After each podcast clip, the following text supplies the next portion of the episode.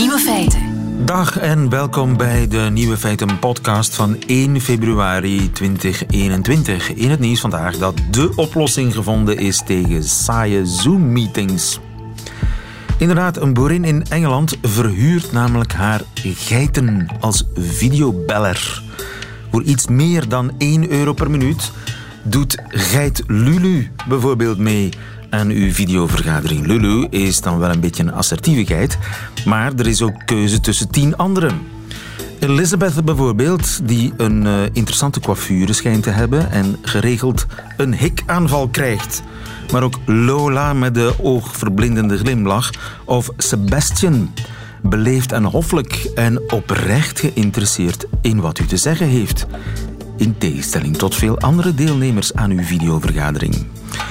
Het begon allemaal als een grap bij het zoeken naar ideeën voor extra inkomsten, want de boerderij haalde een flink deel van haar omzet uit toerisme en horeca. En intussen kan de boerin de boekingen nauwelijks bijhouden. De videogesprekken hebben al 65.000 euro opgeleverd. Slim. De andere nieuwe feiten vandaag. Ook katten hebben last van de lockdown. Ze vinden namelijk dat u veel te veel thuis bent. Suspense in Frankrijk. Komt er een strenge lockdown of niet? De bitcoin boomt als nergens anders in Iran. En het geheim van de vierkante keutels van de wombat is ontsluierd. De nieuwe feiten van Johan Terrein hoort u in zijn middagjournaal. Veel plezier. Nieuwe feiten. Grote kans dat ook uw kat last begint te krijgen van de lockdown en van de coronamaatregelen. Want eigenlijk vindt ze dat u het huis uit moet. Tini de Keuster, goedemiddag. Ja, goedemiddag. Steven. Professor dierengedrag aan de Universiteit van Gent en eh, zelf ook dierenarts. Het is een Franse collega van u, een eh, dierenarts, die meldt dat ze meer en meer mensen over de vloer krijgt die zeggen dat hun kat agressiever is geworden tijdens de lockdown. Er zijn zelfs mensen die vragen om een spuitje voor hun kat. Verbaast u dat? Um, uh, ja en nee. Uh, dus uh, de collega Emmanuel Titeux is wonende in Parijs. En in Parijs zag ze inderdaad meer katten die aangeboden werden met gedragsproblemen. En natuurlijk, ja, dit gaat over de grootstad Parijs leven. Dit gaat niet over ja, Vlaanderen. Dus mogelijk ja, is het probleem in Parijs, hoe de katten daar wonen, of ze binnen of buiten kunnen, een stukje anders dan hier in Vlaanderen. Hier in Vlaanderen heb je er nog niet van gehoord van uh, katten die door de knieën gaan doordat hun baasje altijd maar thuis zit door de lockdown. Persoonlijk heb ik er nog niet van gehoord, maar het is wel een goede insteek. Omdat het zou kunnen. Katten, ja, katten zijn routinebeesten en katten houden van vaste routines. En ik kan mij voorstellen wanneer een kat uh, overdag geconfronteerd wordt met mensen die thuis zitten en uh, de kat wil op haar favoriete slaapplaats gaan liggen tussen tien en elf, ja, en u zit daar iemand aan de pc te werken, ja, dat de kat verstoord is. En waarom? Uh, wanneer routines wijzigen, dan uh, voelen katten zich daar niet zo lekker in. Uh, omgekeerd, wanneer mensen anders ja, overdag, de kinderen ja, zijn naar school, maar zijn dikwijls woensdagnamiddag na schoolse sport. En nu zijn er een aantal kinderen thuis. Voor sommige katten kan dat storend werken. En niet zozeer omdat ze die mensen niet graag zien, want dat is het probleem niet. Maar wel omdat katten heel erg gesteld zijn op hun routine en op hun privacy. Zo van, kijk, tussen twee en vier doe ik een dutje in de zetel. En als daar nu iemand anders zit, ja, dan heb ik daar wel een probleem mee. Ja, er is meer lawaai in huis natuurlijk ook, hè? Er is ook meer lawaai, ja. En een uh, Spaanse studie die vond, um, lieven dat inderdaad, daar hebben ze gekeken van, ja, hoe zit dat nu met die dieren? Hebben katten of hebben honden meer problemen met de lockdown? Hè? Dan was het in Barcelona. En wat zij zagen, dat was katten die op voorhand al een probleem hadden, dat dat probleem erger werd. dus katten die bijvoorbeeld op voorhand al een probleem hadden van naar de voeten springen van de eigenaars, wanneer die met de pantoffels door de woonkamer stapt. Bij die katten werd het erger. Maar katten die zich goed voelden, die kregen niet meer problemen door de lockdown. Maar ook daar weer, eh, Zijmenkijk-studie in Barcelona. Mensen wonen zeer klein. De katten kunnen niet buiten, want we, we ja, in de lockdown durven we ook onze kat niet buiten laten. Um, ja, context doet er heel veel aan. En ook het aantal katten. Hè, wat bleek ook uit die Spaanse studie, dat is als er meer katten in het gezin waren, dat de stress dan voor de katten minder was als de mensen thuis waren. En hebben daar een verklaring voor? Goh, niet echt, nee. Want uiteindelijk, je zou misschien wel kunnen zeggen, als er meer katten zijn, misschien houden mensen dan meer rekening, of misschien zijn er dan ook minder mensen. Maar is het zo dat een kat zichzelf eigenlijk als uh, huiseigenaar beschouwt en de bewoners als gasten? Daar klopt toch wel iets van hoor. Uh, katten um, gaan hun eigen leven inrichten. En dat inrichten, daar kan je niet zoveel aan sturen. Dus katten gaan hun eigen routines opbouwen en die zeggen, kijk, het is vandaag een regendag, dan ziet mijn dag er zo uit. En ze trekken zich niet zoveel aan van hoe de routine van een eigenaar is. Wel voor eten, want dat is belangrijk. Ja. Maar vooral voor rusten en zich wegsteken, gaan katten hun eigen routines opbouwen, die ja. ze dan ook heel graag aanhouden. En ze hebben heel dus veel slaap nodig natuurlijk. En als er heel veel gedoe in huis is, dan raken ze verstoord. Zijn sommige katten ook overknuffeld? Dat is natuurlijk hoe dat je het interpreteert, hè, lieve, overknuffeld uh, vanuit de mens. Mensen knuffelen graag. En sommige katten uh, vinden het super om geknuffeld te worden. En sommige rassen, en kijk maar naar de ragdoll, die worden eigenlijk, de volle pop, uh, maar goed, ze zien er heel mooi uit, die worden ook specifiek gefokt omdat ze graag aangeraakt worden. Maar niet elke kat is even gesteld op knuffels. Ja, en niet constant natuurlijk. En met die lockdown, mensen zoeken troost bij die kat en die knuffelen die kat. Ik kan me voorstellen, als ik een kat was, ik zou ook zeggen, jongens, uh, mag ik even rust? Inderdaad, en, en, en daar gaat het dan weer uh, door welke bril dat je kijkt. Hè. Als je kijkt door de bril van de kat en zegt, ja, wat betekent die lockdown uh, voor de kat als individu, dan zou het kunnen dat sommige katten zich daar niet zo leuk bij voelen, ja. dan mensen ze continu willen knuffelen. Ja. Is er een oplossing? Kan ik iets doen voor die overknuffelde, overstresste, in haar slaap en routine gestoorde kat? Mocht ik een kat zijn, lieve, dan zou ik zeggen, uh, eigenaars, hè, meneer, mevrouw, of iedereen hier in het gezin, alle kinderen, ga een beetje buiten wandelen en laat mij gerust, laat mij rusten op de zetel. Laat uw kat een beetje meer gerust. Ze zal u dankbaar zijn. Dankjewel, Tini de Keuster aan de Universiteit van Gent voor ons. Dankjewel, goedemiddag. Ja, dankjewel ook. Nieuwe feiten. Coucou de France met Alex Visorek. Laten we ons nergens wat van aantrekken en gewoon bellen met Alex Visorek, onze man in uh, Parijs, onze landgenoot en uh, mijn collega bij de Franse radio. Goedemiddag, Alex. Goedemiddag, lieve. Ik ben zo blij om je te horen. Wederzijds. Na een week ja, van ondraaglijke spanning. Spanning? Suspense. Sinds maandag, laatste maandag, kon je voelen dat er iets in de lucht ging. Dans ce supermarché, depuis quelques jours, les rouleaux de papier toilette s'entassent jusqu'au plafond en prévision d'un éventueel reconfinement. Ja, de, de, de rollen wc-papier stapelen zich op tot aan het plafond van de supermarkt. We wachten een nieuwe lockdown. Het was de vraag van afgelopen week. Zou Frankrijk weer in lockdown moeten gaan of niet? De avondklok eh, vanaf 18 uur blijkt inderdaad niet voldoende te zijn. De enige curve die daarmee naar beneden gegaan is, is de curve van vertrouwen in de regering. Want het aantal covid-besmettingen blijft stijgen. En het was duidelijk dat de overheid iedereen aan het voorbereiden was voor het worst case scenario. Mijn Engels is ook zeer goed. prachtig. Dat is prachtig. dat, is de, ja, dat is de minister van Volksgezondheid, Olivier Véran, dat het zegt. Et si la part de variants, c'est le VOC 2020, devait augmenter de façon sensible et que nous devions suivre une trajectoire à l'anglaise, le confinement deviendrait probablement une nécessité absolue. Ja, als de, de Britse variant blijft stijgen, schiet er nog maar één mogelijkheid over. Dat is de lockdown. Ja, necessité absolu, zegt hij. Een uh, spoiler alert, uh, het stijgt. Uh, ook de Britse variant. een fragment van een Franse burgemeester die niet wist dat de microfoon nog aanstond, heeft de vermoedens alleen maar bevestigd. En off, la presse n'est pas là. Euh, nous étions avec le, j'étais en, en, téléphone avec le préfet qui malheureusement nous annonce un reconfinement dès mercredi.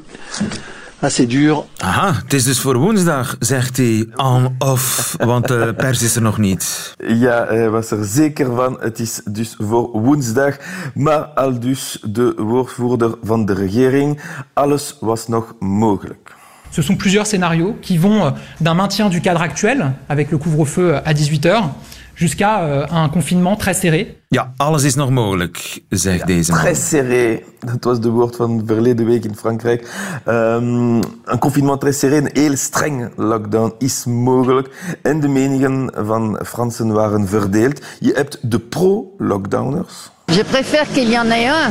Bon, une fois pour toutes, voilà, pour en finir avec ça. Un confinement qui serve à quelque chose. Pas des petites mesures, confinement de 15 jours ou de, de, de ça, ça, on a vu la preuve, ça ne sert à rien. Ja, deze vrouw zegt, oh, doe maar alles op slot gedurende een korte tijd en dan zijn we er helemaal vanaf. Ja, want niet van die kleine maatregels, dat is nutteloos, zegt die vrouw. En dan zijn er Fransen uh, die het allemaal beu zijn, maar die de nieuwe maatregels wel zouden volgen. Je ne sais pas ce qu'ils font dans leur bureau, les mecs, mais bon, ils sont quand même payés à réfléchir. Donc je, je leur fais confiance quelque part, j'ai pas le choix. Ja, oei. We zijn betaald om te denken, dus je fais confiance, zegt die Franse acteur.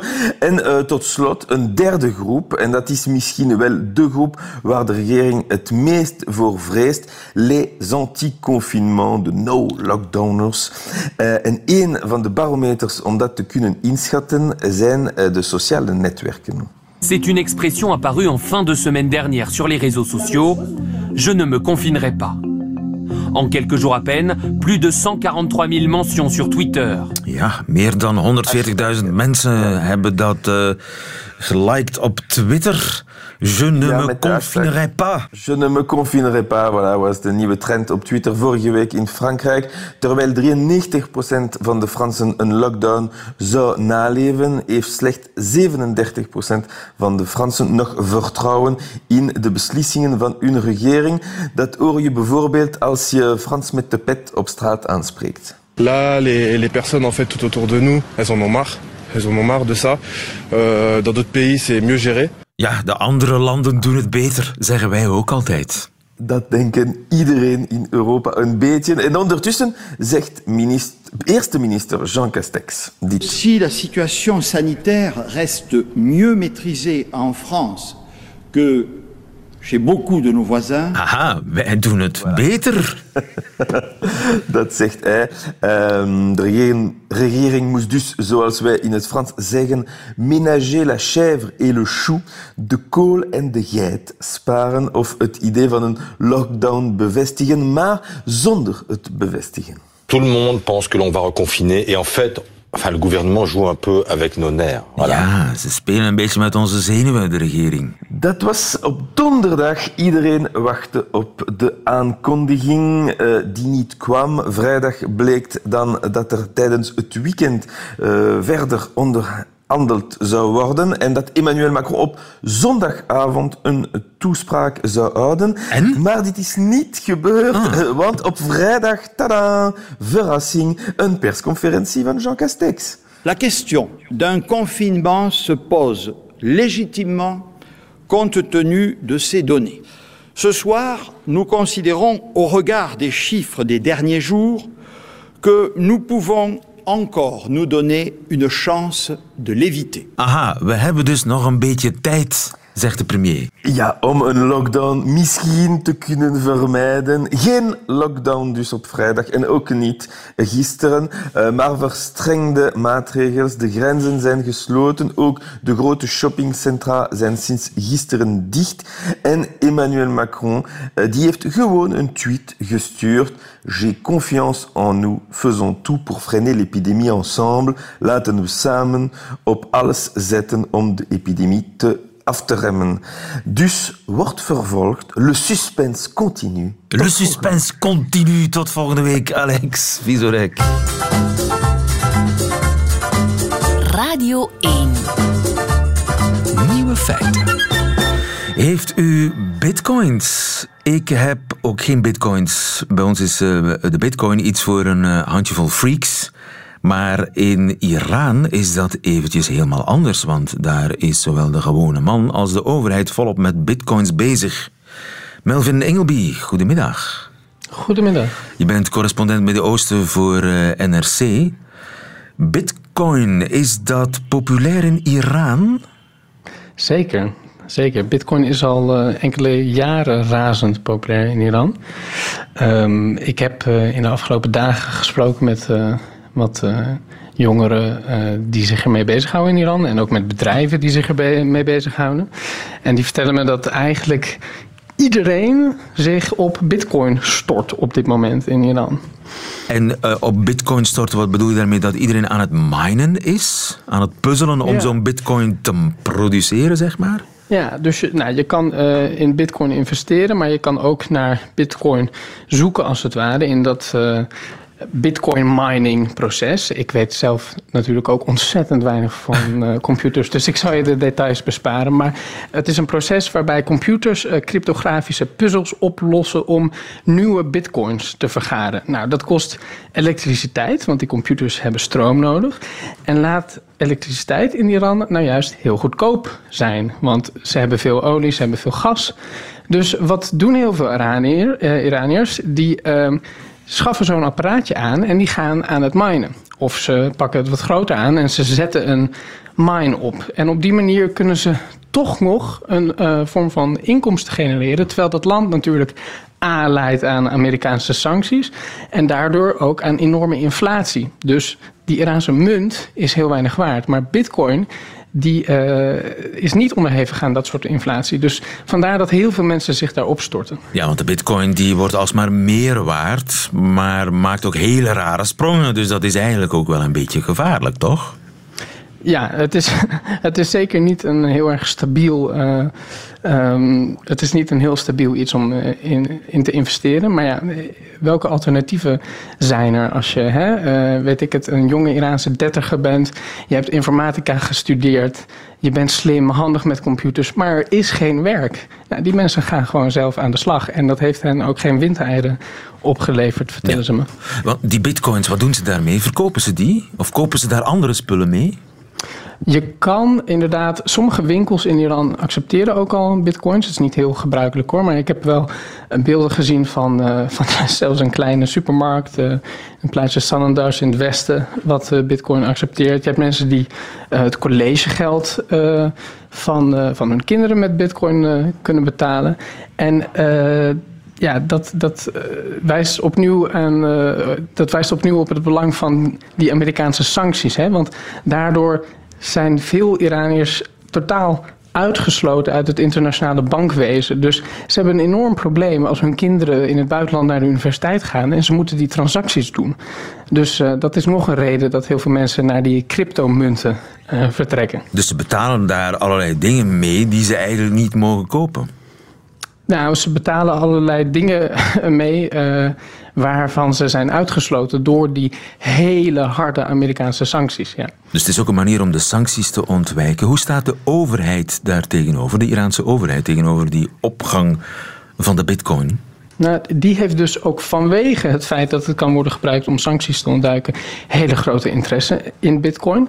Ehm, die is sinds eh, de zomer van 2019 eh, hebben ze het minen gelegaliseerd en ook proberen te reguleren. Eh, dus er moeten vergunningen worden aangevraagd, et cetera. En dat is een beetje de paradox van de Iraanse staat. Die zit in hele grote kans, maar tegelijkertijd weet hij niet helemaal hoe die zich moet verhouden tot al die ja, hippe techneuten en informatica-studenten die aan het minen zijn geslagen. Dus ze proberen het te centraliseren, maar ondertussen blijft de bevolking ook gewoon zelf doorminen. En dat heeft ertoe geleid dat, eh, ja, wel vaker gebeurt dat, maar in de afgelopen eh, weken is de Iraanse regering bezig geweest met het innemen van heel veel van die computertjes en het opdoeken van heel veel van die mines. Dus dat zorgt opnieuw voor heel veel onrust. Maar het is niet zo dat eh, Iran bitcoin wil verbannen. Integendeel, ze willen het controleren, zodat ze er zelf veel geld mee kunnen verdienen. En hoe kijkt het buitenland naar die bitcoin-rage in Iran? Ja, dat is ook een interessant eh, element. Eh, want Iran ziet het eigenlijk hè, als, een, als een manier om de sancties te ontduiken, om te strijden tegen, tegen de Amerikanen. Eh, de Amerikanen zijn er niet van gediend. Die proberen ook eh, hè, de veel anoniemere wereld van bitcoin-transacties te controleren. Maar terwijl bitcoin een soort van strijdmiddel is tegen de Amerikanen, slaat juist een heel andere wereldmacht, China, er. Eh, verdienen zij er ook ontzettend veel geld mee in Iran. Want China die heeft eigenlijk Irans interesse in bitcoin gebruikt om enorme bitcoin mining installaties aan te bouwen. En die profiteren dus volop van de goedkope energie in Iran. Um, en dat leidt ook weer tot heel veel onvrede onder de Iraanse bevolking. Want die zeggen ja, hoor eens, uh, jullie, jullie zeggen dat jullie ons verdedigen tegen het imperialisme en tegen het Westen, et cetera. Maar ondertussen komt China gewoon via de achterdeur binnen. Om in Iran bitcoins te maken. Exact. Je hebt gigantische bitcoin mines in de woestijn waar, uh, waar tienduizenden computertjes uh, dag en nacht bezig zijn om bitcoin te vergaren. En dat kost ontzettend veel stroom. Maar dat is in Iran dus een stuk goedkoper dan in China. Vandaar dat China het in Iran doet. En stel nu, het is al voorgekomen dat de, de bitcoin instort. Want er is geen centrale, ja, er is geen centrale bank om de koers van de bitcoin te stabiliseren.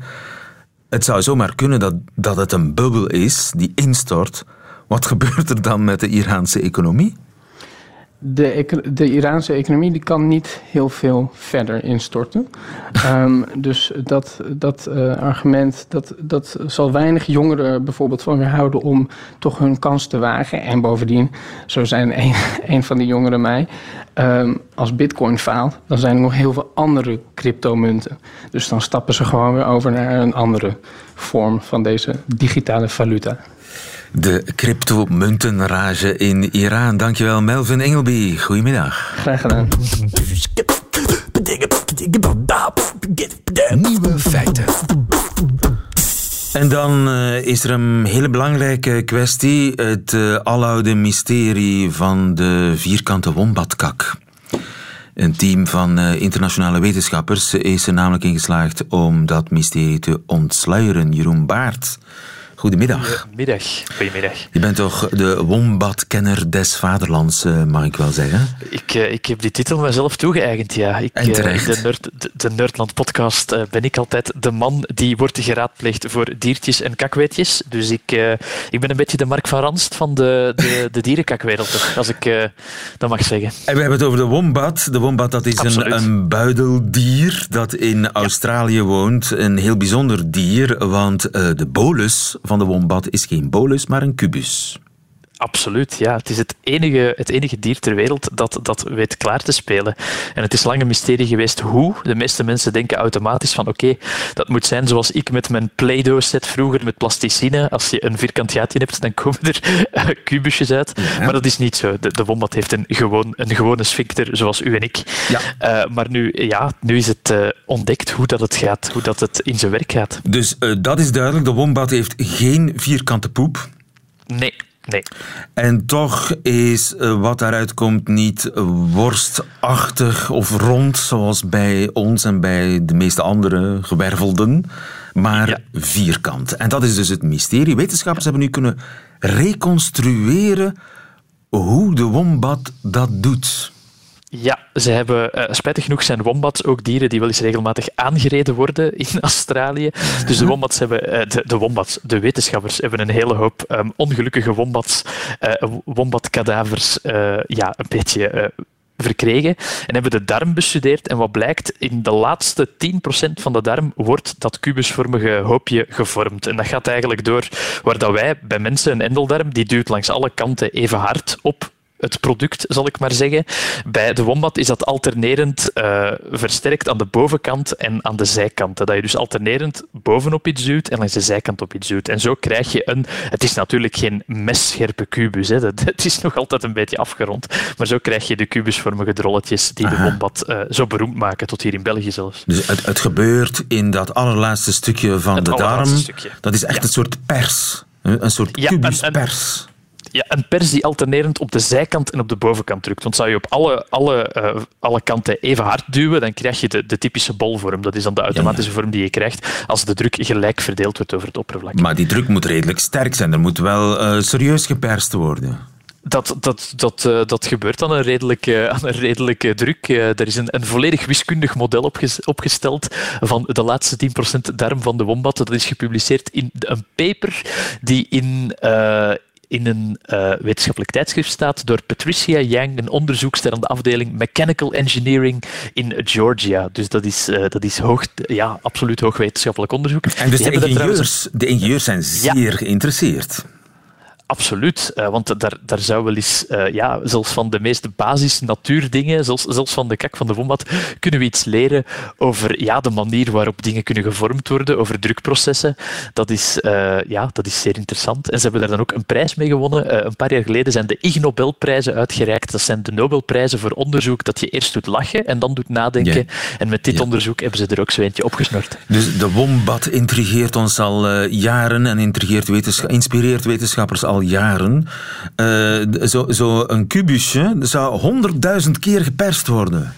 Ja, over een, uh, over een, uh, een tijdspanne van vijf dagen. Um, dat is nodig omdat die, uh, die, die blokjes moeten voldoende uitgedroogd zijn. Er moet alle, vocht moet eruit geperst zijn. En de reden waarom dat het blokjes zijn, want dat is misschien nog het belangrijkste van welk evolutionair voordeel heeft dat nu, dat dat, dat blokjes zijn, dat mysterie is nog niet volledig ontrafeld, maar de meest gangbare theorie is dat wombats die hebben een heel slecht zicht en die gebruiken eigenlijk uitwerpselen, dat is niet ongezien onder dieren, om bepaalde gebieden te markeren, om de weg terug te vinden, om duidelijk te maken van kijk, dit is hier mijn habitat. Uh, en ja, die leggen vaak die keuteltjes op hoge plekken, omdat ze daar goed zichtbaar zijn en goed uh, uh, ja, de, de, de, geur verspreiden, zal ik maar zeggen. En zo'n rond keuteltje, dat rolt natuurlijk weg. Vandaar dat uh, een vierkante keutel veel standvastiger is om, uh, om ergens achter te laten. Ze dat bouwen is, daar torentjes mee. Ze bouwen daar kleine torentjes mee, inderdaad. Ja. Zowel als geurvlag als, als ja. uh, zichtbare indicator van dit is mijn hof. Dit is mijn hof, absoluut. Ja. Zichtbaar indicator voor hen is dat dan minder interessant, aangezien zij redelijk slecht zicht hebben. Maar uh, voor andere dieren, als je zo een, een imposante toren van kubuskak ziet, dan weet je, hier woont de wombat. Ik, uh, ik maak een ommetje. Zijn er ook wombats in Paradise? Hè? Want ik ga toch naar ja. Paradise om daar allerlei uh, dieren ja. ooit... Als het, het is niet open, zeker? Hè? In, nee, het is niet... Als, dat, dat, dat moeten we opzoeken. Als het wel open is, we moeten nog wachten. We ja. moeten nog wachten. In, in België zijn er twee plaatsen waar er uh, legaal wombats gehouden worden, zal ik maar zeggen. Ik weet niet of dat er iemand een illegale wombat heeft. Alsjeblieft, contacteer me. In uh, Paradise en in Plankendaal hebben ze wombats. Maar daar, tot, uh, tot grote spijt van de wombatfans, en er hebben mij ook al mensen gemaild van ik ben naar Plankendaal geweest, ik heb die wombat gezien, die kakjes waren helemaal niet kubusvormig aangezien het klimaat hier en aangezien dat die wombat eigenlijk ook ja, in gevangenschap leeft, dus eigenlijk zijn habitat niet meer moet afbakenen, want ja, die is van hem, uh, zijn de kakjes hier spijtig genoeg geen kubusjes meer. Wat een dus, uh, spoiler. Wat een, een ja, spoiler. Anticlimax om dit wat gesprek niet, te beëindigen. Wat niet betekent dat het geen fantastische beesten zijn met een hoge aaibaarheidsfactor. Dus je kan ze ook zeker gaan bekijken en uh, dat, dan weet je dat hun soortgenoten in het wild wel nog de, de, de kubusjes maken. Dus het is zeker de moeite waard om de wombat verder te bestuderen. Als ik ooit in Australië ben, Jeroen Baart, dan ga Absoluut. ik op zoek naar de kubuskak van de wombat. Dankjewel, Jeroen. Vergeet, vergeet die schattige koalas. Dat, is, dat, zijn, dat zijn absolute, echt uh, ja, gemene beesten ook. Ja, vergeet de koalas. Die hebben ook allemaal chlamydia. Dus zoek de wombat, daar is het te doen. Jeroen Baart, dankjewel. Goedemiddag. Graag gedaan, goedemiddag. Dat waren ze, de nieuwe feiten van 1 februari 2021. Alleen nog die van Johan Terrein krijgt u in zijn middagjournaal. Nieuwe feiten. Middagjournaal. Beste luisteraar. Ik ontmoet onlangs een vriend rond een vuurkorf. We hadden een mijmerend gesprek over hoe we onze uren doorbrachten in tijden van sociale isolatie. Ik schrijf veel, zei ik. Er komt een boek aan van het Uur Blauw over afscheid zonder nabijheid. Hij vroeg me of ik al die gesprekken uit mijn podcast aan had uitgeschreven en ik vertelde hem dat ik mijn eigen verhaal vertel en beschouwingen maak aan de hand van al die interviews. Hij knikte en sloot naadloos aan door te vertellen dat hij zich had ingeschreven voor een massagecursus. Ik keek enigszins verbijsterd over het bruggetje dat hij maakte.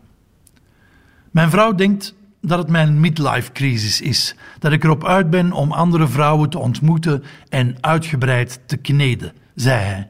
Maar ik wil alleen maar elke week een keer goed gemasseerd worden. In ruil was hij daarvoor bereid om zijn lesgenoot eveneens goed onder handen te nemen. Ben je zeker dat ze die les niet online gaan geven? vroeg ik. Een massage van op anderhalve meter leek me niet evident. Het bleek allemaal nog even opgeschort tot nader order. Zijn geduld werd op de proef gesteld. Ik vroeg hem of hij weet had van de andere deelnemers. Hij lachte. Geen idee had hij ervan en ik begon plagerig het beeld te schetsen van een struise, harige man die de kracht van zijn eigen vingers niet kent. En dat het best zou kunnen dat net die harige reus zijn massagepartner zou worden. Ik zag hem even schrikken.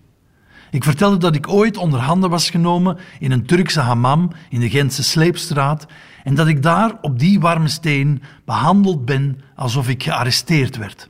Knie in de rugholte, armen achter mijn rug getrokken. Ik kon geen kant meer op. Ik had het uitgeschreeuwd, maar daar was die grote snor stoïcijns ondergebleven, waarna hij koelbloedig mijn benen in schijfjes was beginnen haken. Mijn vriend lachte me uit en werd vervolgens een beetje stilletjes. In zijn gedachten zag ik hem overwegen om zich alsnog uit te schrijven. Maar een motto kopen om zijn middeleefse inzinking te vieren zat er niet in. Hij had er al drie. Om het beeld van die harige reus compleet te maken, doorbrak ik de stilte en zei ik, terwijl we naar de gensters in het vuur keken. In dat geval zou je wel eens van een behaarde reis kunnen thuiskomen.